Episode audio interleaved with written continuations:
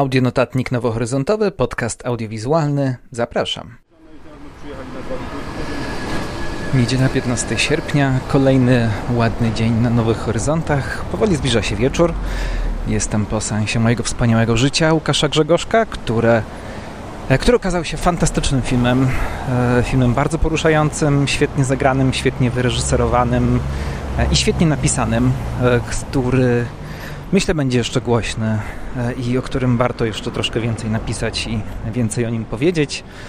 E, to film z, jednej, z jednej strony bardzo polski, bardzo zakorzeniony w polskich tematach, zwłaszcza takich, które polskie kino po 89 e, porusza, a z drugiej strony starający się poszukać jakiejś innej formy, troszkę altmanowskiej, troszkę czeskiej, w której nie unikamy powagi, jednocześnie troszkę się śmiejąc. Zresztą warstwa muzyczna w tym filmie jest znakomita.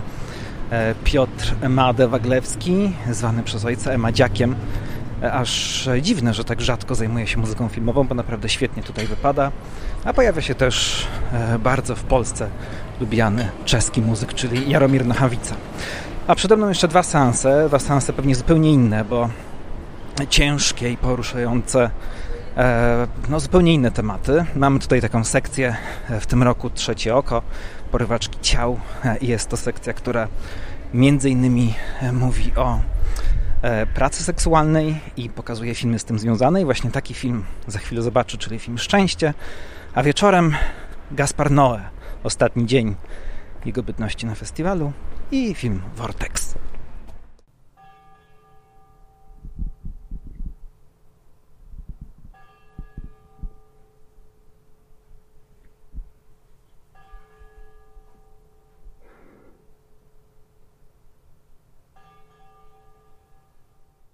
Bardzo późno skończył się dzisiaj seans e, filmu Vortex Gaspara Noe i tak zakończył się kolejny dzień Nowych Horyzontów, czyli 15 e, sierpnia.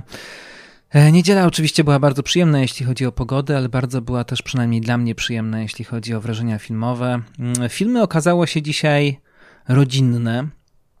Wszystkie dotyczyły właściwie domu, jakiegoś pytały o sens tego, czym jest dom, czym jest rodzina, czy opowiadały o poszukiwaniu domu. Film Szczęście, który znajdował się w sekcji Trzecie Oko Porywaczki Ciał, opowiadał o poszukiwaniu takiego uczucia, takiego swojego miejsca wśród e, kobiet, które są pracownicami seksualnymi. I to ciekawe kino, bardzo, bardzo intymne, bardzo poruszające i do, wrócę jeszcze do tego filmu przy okazji innych filmów z tej sekcji. Jak będę mówił o filmie Pleasure, to wspomnę jeszcze o Szczęściu. Natomiast dwa pozostałe filmy, które dzisiaj widziałem, e, zrobiły na mnie ogromne wrażenie, czyli film Łukasza Grzegorzka Moje wspaniałe życie, e, no i oczywiście Vortex Gaspara Noe. E, Moje wspaniałe życie Grzegorzka, film, o którym już napisałem parę słów na Facebooku, to taki film, który jak się okazało, e, nie u wszystkich wywołuje tak duży entuzjazm jak u mnie. Grzegorzek w ogóle jest takim reżyserem, któremu się przyglądam, bo bardzo lubiłem jego Campera. To był film, który niektórzy porównywali do filmów Sundance, że to taki reżyser, który tworzy takie polskie kino na wzór amerykańskiego kina niezależnego niezależnego. Z pewnością coś w tym było, e, ale mnie się podobało mm, to, że nawet jeśli wzorował się na zagranicznych wzorcach, to świetnie potrafił Grzegorzek dopasować je gdzieś do mm, polskiej specyfiki, e, do tego pokolenia, o którym opowiadał. Pamiętamy Camper to był film o młodym małżeństwie, które wchodzi w dorosłość i co ciekawe, co mi się w tym filmie niezwykle podobało, był to film, który pokazywał ludzi, którzy owszem, późno dojrzewają, ale e, którzy niepotrzebnie podejmują pewne decyzje zbyt wcześnie. E, to był film, który ja przynajmniej tak go odebrałem, był pewnego rodzaju polemiką jednak zobowiązującą w Polsce E, z obowiązującymi w Polsce schematami tego, w jaki sposób powinno się dorastać, w jaki sposób powinno się dojrzewać i co właściwie oznacza dorosłość. I to kamperowanie e, głównego bohatera wcale nie musiało być czymś złym. Być może czasami na pewne rzeczy trzeba poczekać, trzeba e, gdzieś do, do pewnych rzeczy dojrzeć i nie mieć do siebie pretensji, ani też ktoś inny nie powinien mieć do nas pretensji, że jeszcze nie jesteśmy w tym e, właściwym miejscu.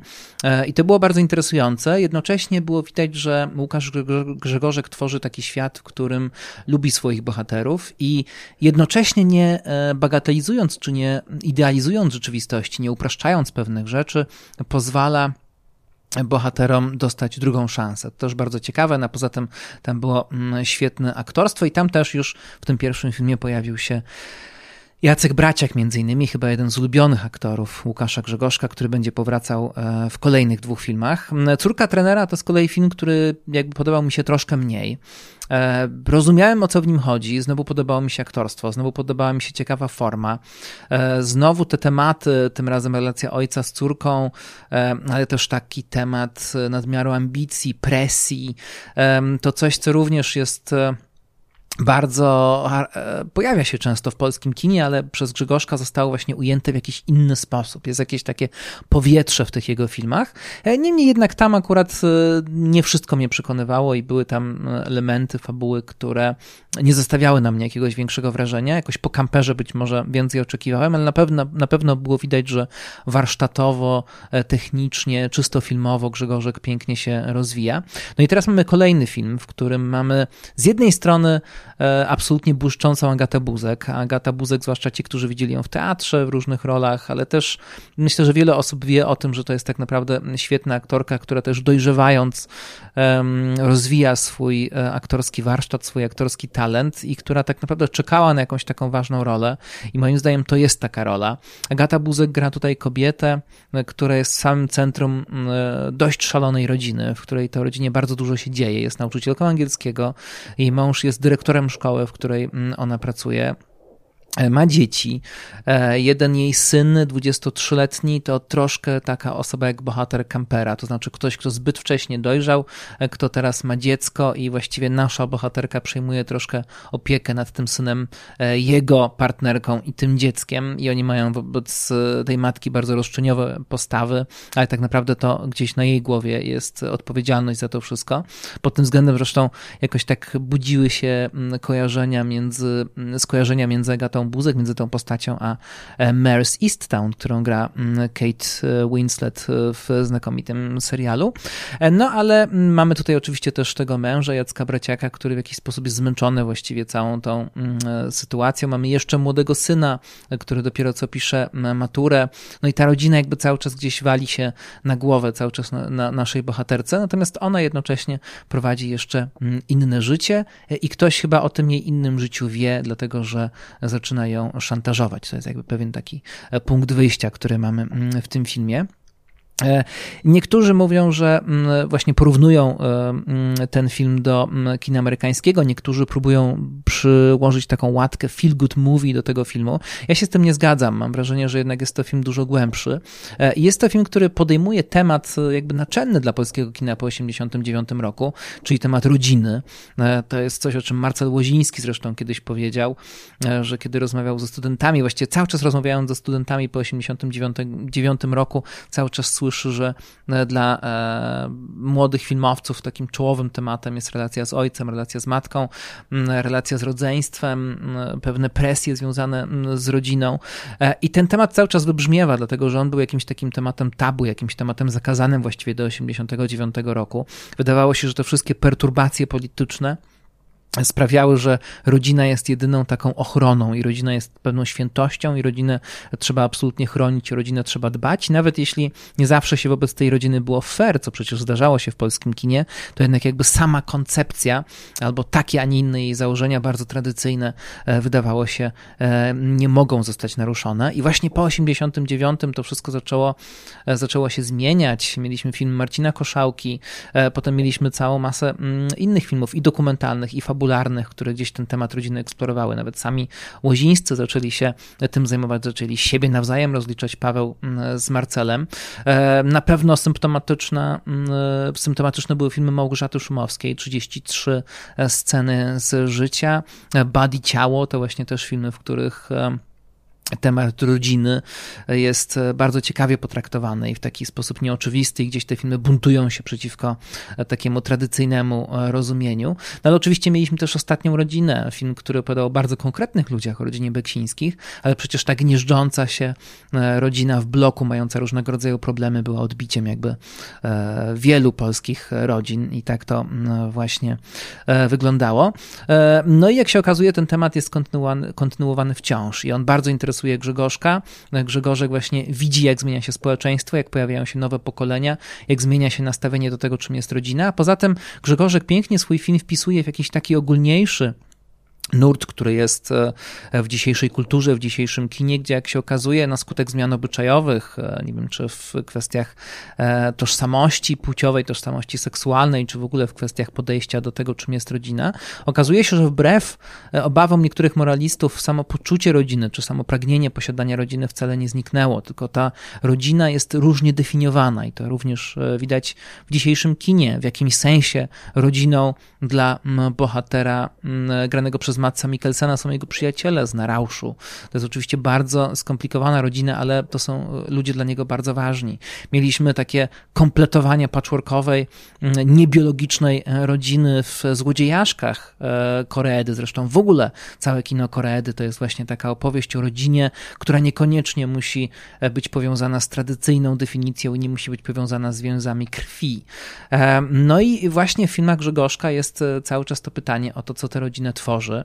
I mamy tutaj taki, e, taką wydawałoby się typową e, rodzinę, typową polską rodzinę, ona trzeszczy gdzieś e, w szwach i Agata Buzek przeżywa różne sytuacje, które sprawiają, że właściwie za chwilę ta rodzina się rozwali i, i faktycznie gdzieś każdy w tej rodzinie zmierza w swoją stronę, ale jak się okazuje, właśnie gdzieś ten film E, niekoniecznie porzuca ten koncept rodziny, chociaż zostawia nas, nie zdradzając zbyt wiele, jednak z wieloma pytaniami. Pewnie każdy gdzieś te pytania będzie miał e, inne. Już widzę z tego, co czytam, że dla niektórych ten film jest bardzo przybijający, że nie jest żadną komedią, nie jest żadnym feel good movie.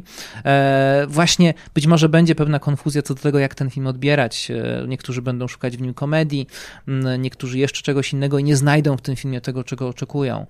Postać głównej bohaterki moim zdaniem jest nakreślona w taki sposób, że jesteśmy w stanie rozumieć pewne jej niedoskonałości, jesteśmy w stanie nawet ich bronić, ale nie wszyscy będą mieli takie poczucie. Już wiem, że dla niektórych jest to postać zupełnie nieakceptowana. Na pewno ona łamie tutaj e, jakieś tabu i sposób, w jaki Grzegorzek chciałby, żebyśmy do niej podchodzili, też jest e, nieoczywisty. Mnie w każdym razie takie ujęcie tematu rodziny bardzo poruszyło. Gdzieś e, z jednej strony faktycznie w tym filmie, tak jak mówiłem wcześniej, jest coś czeskiego, no a z drugiej strony jest to film, który w jakimś sensie kojarzy mi się na, skró na skróty Roberta Altmana przy całym zachowaniu e, proporcji, ale też tutaj widać, że Grzegorzek pięknie zaczyna, potrafi kierować całym, e, całym zespołem aktorskim i być może to będzie jeszcze w jakiś sposób rozwijane w jego kolejnych filmach. Liczę na to, że też ten temat rodziny będzie jeszcze ciekawiej się rozwijał w kolejnych filmach, że jeszcze będzie się mu w interesujący sposób Łukasz Grzegorzek e, przeglądał. To jest e, jeden film. Natomiast Vortex Gaspara Noe, no to oczywiście był absolutny highlight dzisiejszego dnia. E, no i faktycznie, tak jak również na Facebooku wspominałem, Gaspar Noe przywitał nas w sposób taki dość zabawny. Opowiedział troszkę o tym, skąd pomysł wziął się na ten film. E, on się z jednej strony wziął z tego, że Gaspar Noé sam miał problemy zdrowotne, miał, e, przeszedł udary jakiś czas temu. E, z kolei później jego ojciec przeszedł bardzo ciężko COVID, starszy mężczyzna i prosił Gaspara Noé, żeby ten wrócił do kraju, wrócił do domu, bo mogą się już więcej nie zobaczyć, a jednocześnie matka Gaspara Noé też zaczynała mieć demencję. No i to jest znowu ciekawy temat, bo Gaspar Noé kręci film o rodzinie, kręci film o bardzo skomplikowanych relacjach rodzinnych, i wpisuje jeszcze do tego wszystkiego wątek demencji i to bardzo pasuje do filmów, które ostatnio pojawiają się w bardzo e, różnych miejscach, e, gdzie ten temat jest poruszany. Ojciec Antonego Hopkinsa Supernowa e, z Colinem Firthem i Stanleyem Tucci i nagle właśnie Gaspar Noé e, wyskakuje z czymś podobnym. E, w dodatku jego film przez to, że opowiada o starym małżeństwie, które przygotowuje się na śmierć, a które jednocześnie musi walczyć z ciałem i umysłem, które są nieposłuszne i to wszystko w obliczu jeszcze młodszego, ale dorosłego dziecka, no to to wszystko przywołuje na myśl skojarzenia z miłością Michaela Haneke i ciągle właściwie, jak się okazuje, Vortex jest porównywany i faktycznie jest w tym jakaś prawda, są te filmy w jakiś sposób podobne, pewnie jest kwestią gustu, który film bardziej nas przekonuje. Natomiast Vortex jest filmem, który jest specyficzny formal, specyficznym formalnie, e, dlatego że oczywiście Gaspar Noé przez cały czas bawi się językiem kina i on ma w sobie, bardzo zresztą to lubi w jego filmach, mam wrażenie, że nawet jeśli są w jego filmach mielizny scenariuszowe, jeśli są jakieś mielizny intelektualne, jakieś takie wybryki, e, dziecinne naiwności, to te filmy są tak zrobione i Gaspar Noé tak kocha kino, że to się broni w tym sensie, że chce się to oglądać i chce się w tym szukać czegoś ciekawego dla siebie, nawet jeśli ostatecznie odrzucimy na przykład Love, to przynajmniej dla mnie jednak e, seans jest hipnotyczny, a sam Noe też twierdzi, że kino właśnie ma tę moc hipnotyzerską. No i tutaj mamy już na samym początku podzielony ekran. E, Gaspar Noé rozbija jakby to, do czego jesteśmy tak bardzo przyzwyczajeni, takie podstawowe narzędzie języka filmu, czyli ujęcie przeciw ujęcie. Od tej pory jedna kamera będzie towarzyszyć starszej kobiecie, druga kamera będzie towarzyszyć mężczyźnie, którego gra zresztą e, Dario Argento. No i w ten sposób będziemy przyglądać się całej sytuacji. Mało tego, jeszcze montaż będzie bardzo rzadki, ponieważ film jest zrobiony w bardzo długich ujęciach, takich na granicy właśnie slow cinema, więc bardzo to pasuje do Nowych Horyzontów, a z drugiej strony montaż jest sygnalizowany, to znaczy on nigdy nie jest e, przeźroczysty, to nigdy nie jest taki typowy, twardy montaż, ale mamy chwilę przerwy, chwilę ciemności na ekranie wtedy, kiedy zmienia się ujęcie. E, i lubię te zabawy mm, Gaspara Noe, takie nowofalowe, bo no jakby cały czas traktuje kino jako coś nowego, jako jakąś taką pole do eksploracji.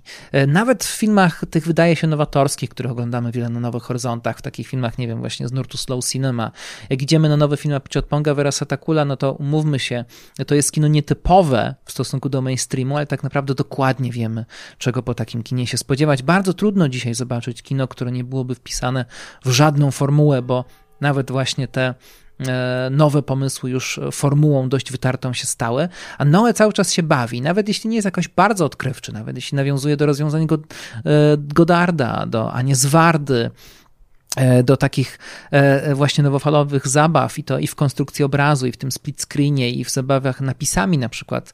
E, no, nigdy nie może zrobić normalnych napisów, zawsze chce z nimi coś, coś ciekawego zrobić, to właśnie on traktuje to kino jako coś, gdzie cały czas można jeszcze świat na nowo odkrywać i kino przez to może cały czas coś znaczyć. I zresztą troszkę o tym też opowiadał przed, przed seansem. I oczywiście mamy tutaj w tym filmie sporo zabaw, sporo zabaw metafilmowych. Sam fakt, że tego starszego mężczyznę gra Dario Argento, no to oczywiście nas e, e, w jakąś stronę mm, e, pcha i nam sugeruje pewne rzeczy. Zabawa kolorem, ten film ma sporo takich typowych dla, no, dla Gaspara Noé rozwiązań, a jednocześnie właśnie nawiązuje to i do Dario Argento, i do Carla Teodora Driera. Tutaj mamy takie, takie nawiązania. Poza tym bohater, którego gra Dario Argento, ten starszy mężczyzna jest teoretykiem kina, E, i ten teoryk kina jest dość ironicznie potraktowany, ponieważ e, jakby to, co on głosi w swojej książce, którą ma napisać, to tak naprawdę jest już dzisiaj zbiór banałów takich najbardziej oczywistych, które e, z historią myśli filmowej czy historią kina są związane. Troszkę Edgara Morena, troszkę Christiana Meca, to wszystko powiązane z psychoanalizą i z najbardziej banalnymi cytatami, jakie są możliwe. Więc mamy też w tym filmie kpiarstwo, mamy w tym filmie jak najbardziej ironię, pewien rodzaj zgrywy, nie opuszcza Gaspara Noe, ale to poczucie humoru jest tutaj bardzo ukryte, e, dlatego że mimo tego, że ten film właśnie jest pewnego rodzaju fabularnym popisem, e, formalnym popisem, to jednak jest to kino bardzo naturalistyczne, e, w którym po prostu przez większość czasu przyglądamy się krzątaninie tych starszych ludzi. Jesteśmy z nimi w ich mieszkaniu, które po pewnym czasie już znamy na pamięć. Obserwujemy bardzo zwykłe czynności, które są fenomenalnie zagrane przez oboje i to mnie dziwi, że zresztą, że Dario Argento tak świetnie sprawdził się w roli aktorskiej. No a potem jakby sytuacja oczywiście coraz bardziej się zagęszcza. Mamy jeszcze syna, e, który ma problem z e, nałogiem i który też próbuje z niego w jakiś sposób wyjść, nałogiem narkotykowym. I to też jest związane w jakimś sensie z samym Gasparem Noe, więc są tu pewne aluzje e, autobiograficzne. E, no bo podobno Gaspar Noé wychodzi z narkotyków po tym swoim udarze, a nie da się ukryć i często to jest w Polsce, mam wrażenie, pomijane w niektórych tekst, w tekstach czy w interpretacji Gaspara Noé, że jego kino jest narkotyczne. Nie tylko w sensie tego, że opowiada o narkotykach, nie tylko dlatego, że mm, ta narko, to słowo narkotyczność jest kategorią opisową, ale to jest kino narkotyczne dosłownie i no, nie unika tego, że narkotyki spełniają bardzo ważną funkcję w jego życiu, e, zarówno w życiu prywatnym, jak i w życiu artystycznym. E, no, warto wiedzieć, że Gaspar Noé jednak wywodzi się e, z pewnego kręgu takiego kontrkulturowego, który jest zakorzeniony w Barrowsie, w, w w Kenneth, w, Kenneth, w Kenneth Anger tutaj też jest ważną postacią. Ludzie z otoczenia muzyki industrialnej, muzyki e, psychodeliczno-awangardowej, e, to wszystko właśnie gdzieś w tym wszystkim wyrastał e, Gaspar Noé, a te wszystkie środowiska są bardzo mocno właśnie powiązane ze światem narkotykowym, więc one tak realnie w jego życiu miały i, ma, i pewnie wciąż jakoś mają znaczenie. Natomiast to, co, bo te wszystkie zabawy zabawy metafilmowe, o nich już y, nawet w polskim internecie e, sporo możemy przeczytać, jeśli chodzi o bardzo ciekawe, bardzo błyskotliwe analizy e, Vortexu. Natomiast e, to, co mnie zaciekawiło w tym filmie, to fakt, że niektórzy ze zdumieniem czy ze zdziwieniem przyjmują mm, to, że Gaspar Noé zajął się takim kinem kameralnym i takim kinem właśnie bardzo ludzkim, wydawałoby się. I tak naprawdę dla mnie nie jest to wcale dziwne. Dlatego, że jeśli przyjrzeć się wcześniejszym filmom Gaspara Noé, to to nie tylko jest prowokator. To nie tylko jest e, człowiek, który robi jakieś takie kino ekspresyjne i formalnie wybuchowe, ale to jest też człowiek, który świetnie e, ma, ma świetne ucho do dialogów, które potrafią być w jego filmach bardzo często naturalne, właśnie wyimprowizowywane, ale w jakiś taki sposób bazujący na mm, wcześniej, e, wcześniej podanych przez niego pomysłach. Ma też niezwykłą, niezwykły dar kręcenia takich małych kameralnych scen, które są bardzo ludzkie, bardzo ciepłe paradoksalnie i bardzo naturalne, bardzo, bardzo realistyczne. E, I zawsze byłem wielkim fanem drugiej połowy nieodwracalnej. To jest taka, ta druga połowa jest ciągle trochę pomijana. To, co jest tak bardzo szokujące na początku e, w tym filmie sprawia, że potem zapomina się o tym, co było później. E, zdarza mi się szokować znajomych, kiedy rozmawiamy o scenach erotycznych w kinie i kiedy ktoś mnie pyta o ulubioną scenę erotyczną, to często mówię, że moją ulubioną sceną erotyczną w historii kina jest scena w nieodwracalnym właśnie. E, no i wtedy jest e, konsternacja. Chodzi mi o scenę pod koniec, scenę między Vincent Casselem i Moniką Bellucci, kiedy oni są jakby jeszcze w tym rajskim stadium tego filmu, e, kiedy są po prostu kochającą się parą, między którą jest napięcie erotyczne, ale jest też głęboka przyjaźń, głębokie zaufanie i oni trochę się ze sobą kochają, trochę się przekomarzają, trochę się ze sobą bawią i ta scena ma w sobie coś, coś tak prawdziwego, jeśli chodzi o to, jak wygląda e, intymna relacja między ludźmi, którzy są naprawdę ze sobą blisko, że właściwie nigdy chyba w historii kina drugiej takiej sceny nie widziałem, dlatego wracam zawsze do tej końcówki nieodwracalne z sentymentem, ale też wcześniejsza scena, jak bohaterowie jadą metrem ze swoim kolegą, e, gdzie on jest troszkę nieśmiały, podoba mu się Monika Bellucci, on boi się zagadać. I ta rozmowa między nimi też jest taka bardzo naturalna. I Gaspar Noé wbrew pozorom bardzo dobrze radzi sobie w takiej kameralistyce. Poza tym jeszcze Noe ma taką niezwykłą, niezwykłą charakterystykę, że on lubi swoich bohaterów. Nawet jeśli jego bohaterowie robią coś głupiego, nawet jeśli są naiwni, e, nawet jeśli robią coś takiego, za co będzie, będą musieli ponieść karę, e, nawet jeśli są jakimś, e, symbolizują jakiś koncept, który pojawia się w jego głowie dość szalony, to jednak zawsze jest sporo ciepła w stosunku do postaci, którą pokazuje i jest sporo przecież empatii do Vincent Cassela, który popełnia błąd przez to, że jest, e, podąża drogą radykalnej zemsty, ale przecież my też go, my też go rozumiemy. E, w innych filmach jest, jest, jest podobnie.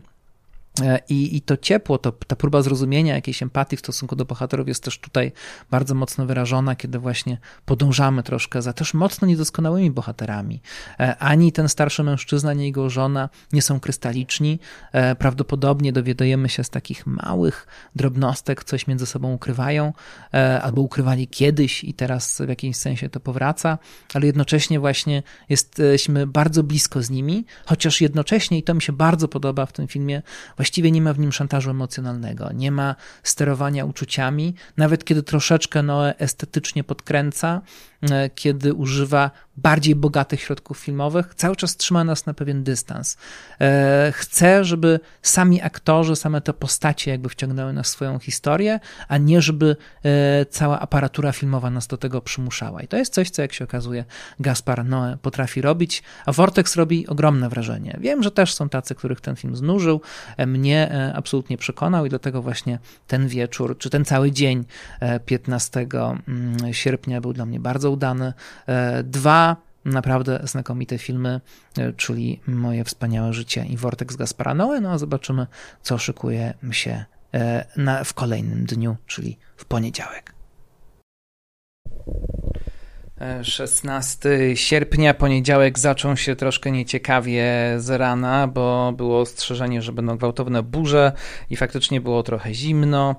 E, ale potem zrobiło się lepiej, ale były takie momenty w czasie, w ciągu dnia, w tej pierwszej połowie dnia, e, gdzie padało, grzmiało, ale niestety nie udało mi się nagrać żadnego grzmotu spektakularnego, bo ten czas właśnie spędziłem e, w kinie, a dzisiaj dwa filmy, dwa filmy konkursowe, czyli egipskie Pióra, film, który wygrał tydzień krytyki w Cannes oraz film Dziewięć Fug, który mnie zainteresował z powodu połączenia muzyki improwizowanej z e, fabułą. E, taki ciekawy pomysł, gdzie najpierw muzycy mieli za zadanie wyimprowizować właśnie dziewięć utworów, a potem do tego została nakręcona historia na bazie poezji, filozofii pewnego galicyjskiego, hiszpańskiego filozofa, poety, myśliciela, a e, to wszystko jeszcze połączone z chińską księgą przemian z I Ching, a więc z jednej strony rozliczanie się z frankizmem, hiszpańska polityka, hiszpańska sztuka, a z drugiej strony e, John Cage między innymi i właśnie awangardowa muzyka.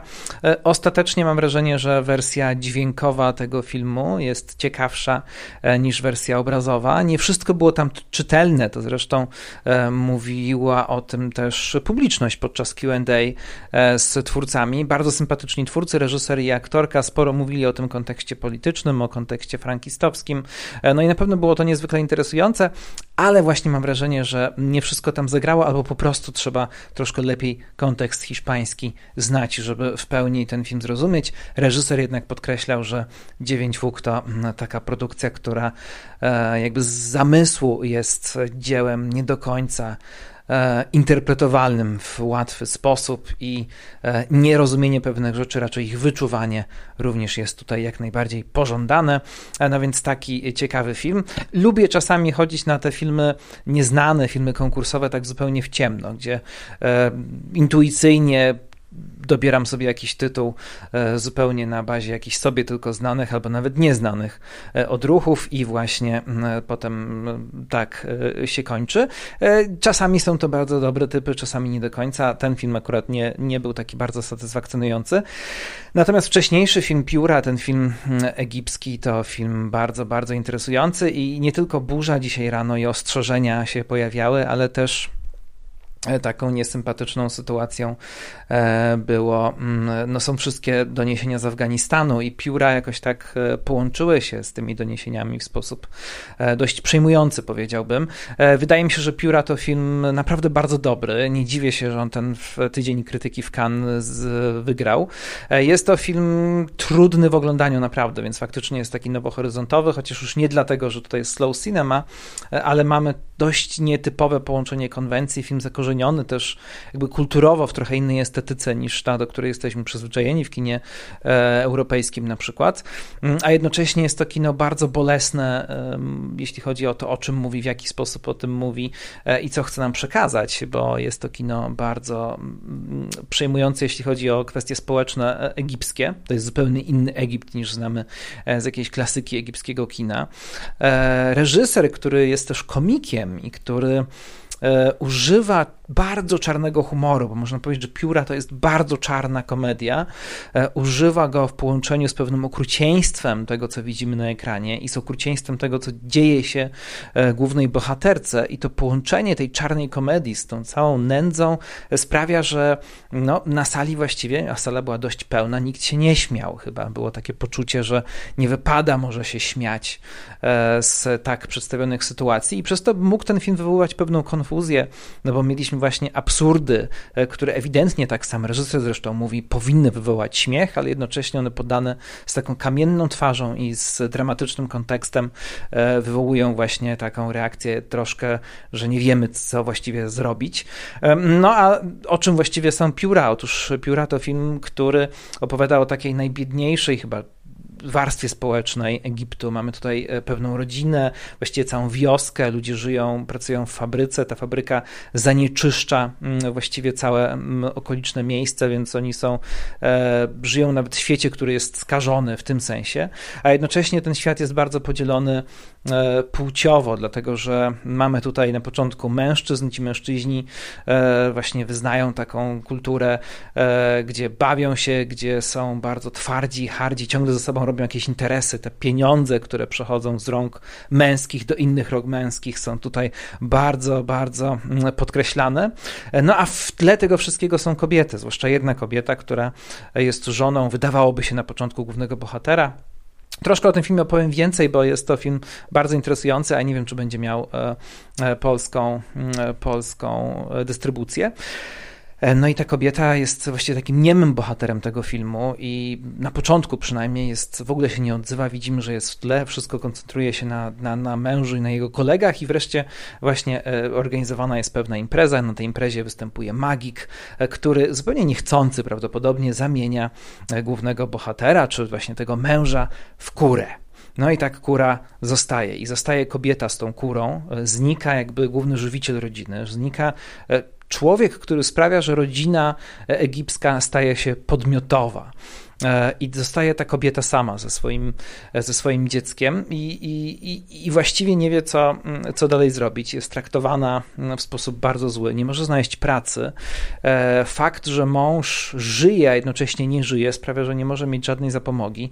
Bardzo są tutaj te męskie przepisy, te wszystkie procedury bardzo skrupulatnie przestrzegane. Nie ma jednocześnie żadnej empatii w stosunku do głównej bohaterki. Ona nawet potem, potem kiedy jej mąż znika i staje się kurą, Mm, i tak nie może się odezwać. Jeśli się odezwie, to zaraz pojawia się jakiś mężczyzna, który krzyczy na nią albo który w inny sposób pokazuje jej, że e, nie jest jej rolą się odzywać i ona musi sobie jakoś poradzić, żeby zdobyć pieniądze, bo ten mąż w końcu jest, a jednocześnie go nie ma. Mamy tutaj mnóstwo e, takich jakichś e, szamańskich technik po to, żeby tego męża przywrócić do stanu wyjściowego, ale to się nie do końca udaje. Kura zresztą i zwierzęta mm, to jest coś, co też może być bardzo nieprzyjemne dla tych, którzy są wrażliwi na cierpienia zwierząt, bo ta kura trochę tu jest wymęczona, bo się z nią różne rzeczy robi po to, żeby ona się z powrotem zamieniła w człowieka.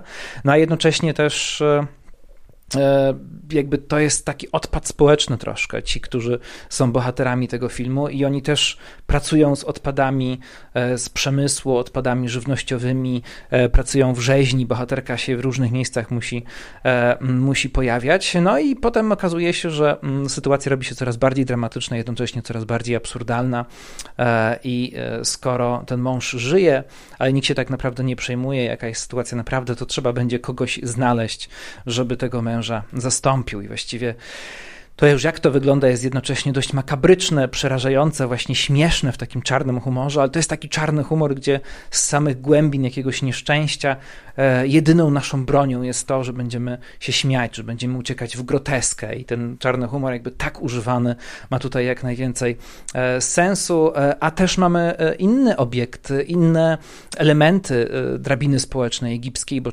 bohaterka, żeby sobie jakoś poradzić, też zatrudnia się e, w piękny piękniejszych domach, w jakichś miejscach, które wyglądają inaczej niż to, gdzie ona żyje, ale właściwie ich za wiele nie widzimy, bo też bohaterka nie ma do nich dostępu i to w końcu e, z tej takiej makabrycznej groteski film staje się bardzo przejmujący i tak jeszcze dodatkowo e, przejmujący w stosunku do tego właśnie, co teraz słyszymy, że się dzieje. Natomiast druga część, druga połowa dnia to m.in. premiera, prawdopodobnie bardzo uroczysta, filmu Kalini Jędrusik, bo we mnie jest seks, który z tego co wiem powstawał bardzo długo, nie wiadomo było co z nim się stanie i wreszcie jest premiera.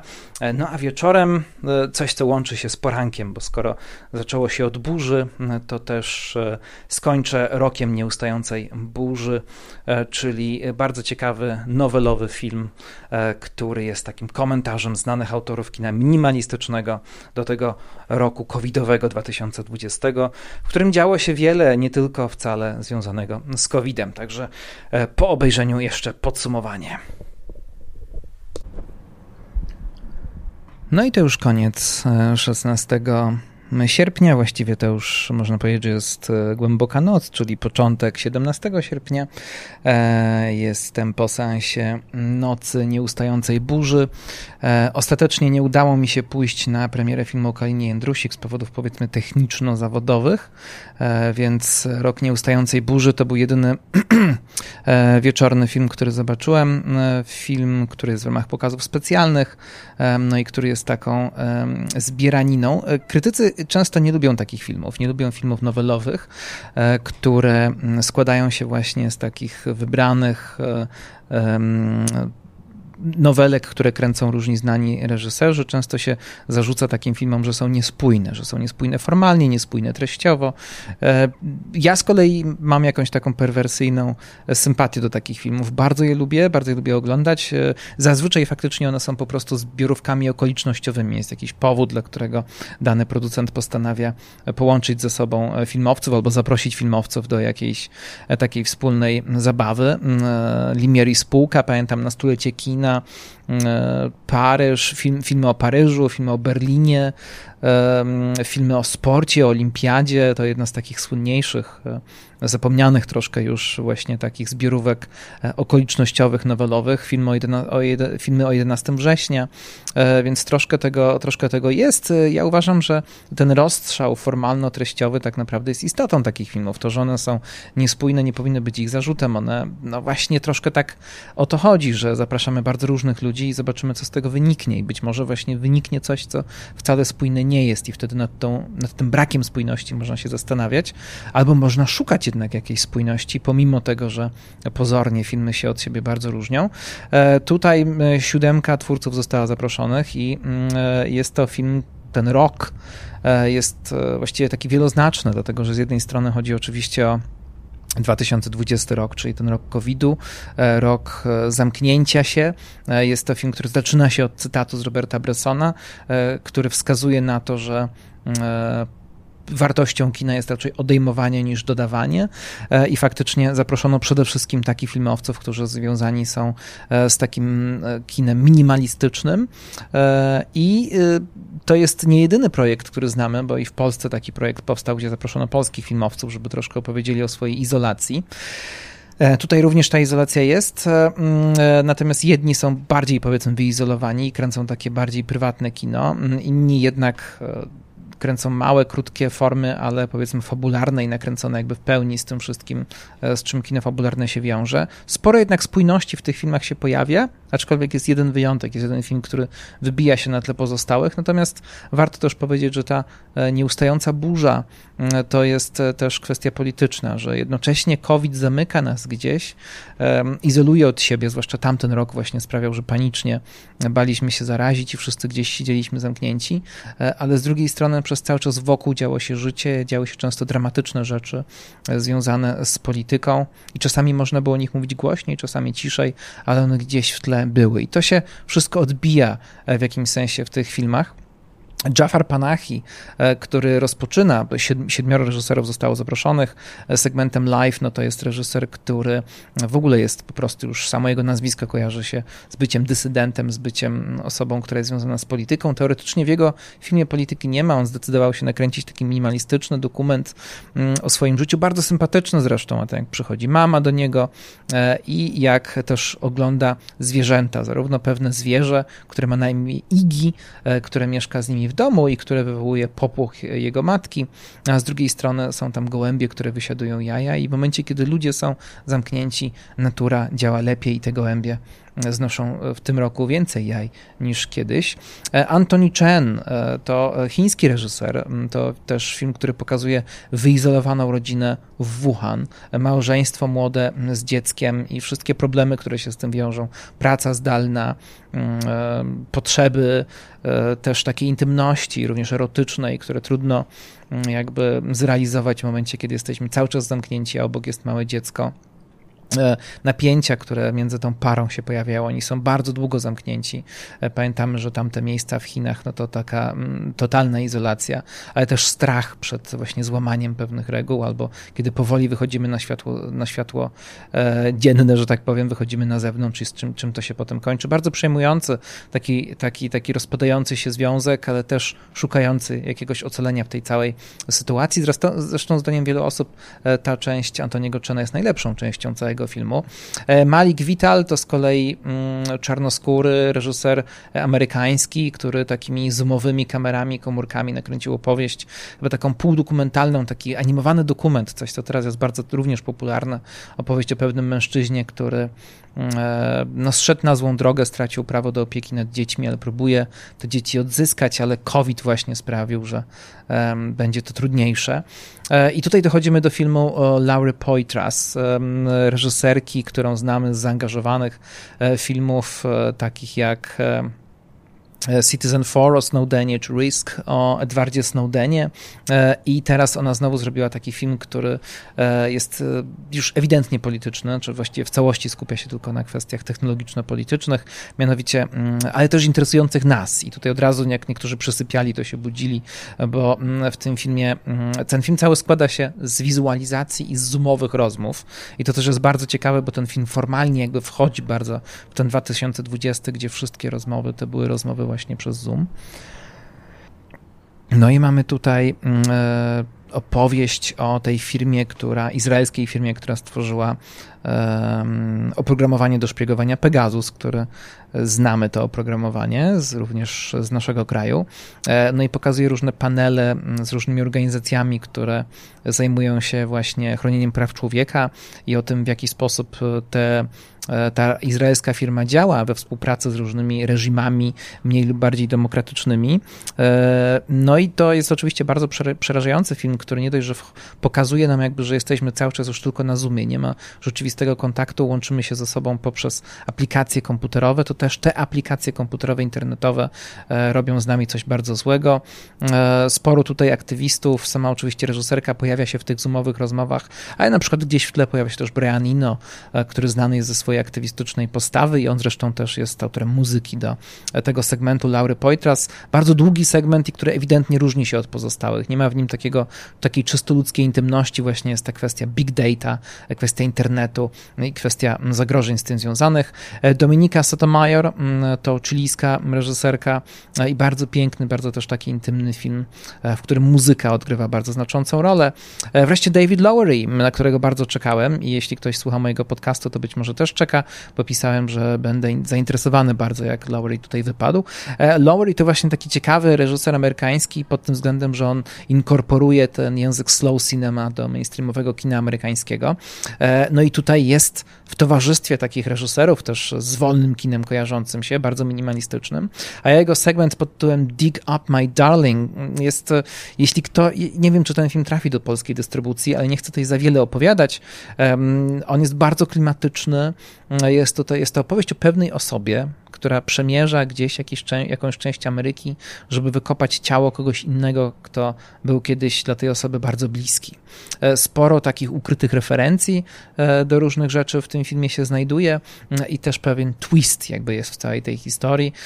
Bardzo klimatyczna, kameralna opowieść, ale e, o dziwo wcale nie zrobiona w takim stylu długich ujęć. Właśnie paradoksalnie ujęcia w tym filmie Lowery'ego są chyba najszybsze e, i najkrótsze ze wszystkich filmów e, tego, tego, tego, tego zbioru. A na końcu oczywiście mistrz Apichatpong Verasatakul Night Colonies, bardzo przejmujący film pamiętajmy, że Veracetakul to reżyser, który jest też artystą wizualnym, którego mm, twórczość w dużym stopniu wysoko konceptualna istnieje również w obiegu galeryjnym, wideoartowym i to jest bardzo ciekawy, krótki materiał Night Colonies, coś w rodzaju takiej instalacji, jakiś dom, E, który jest stary. Zaczyna się to wszystko w ogóle od wiersza, e, z którego bierze się tytuł filmu.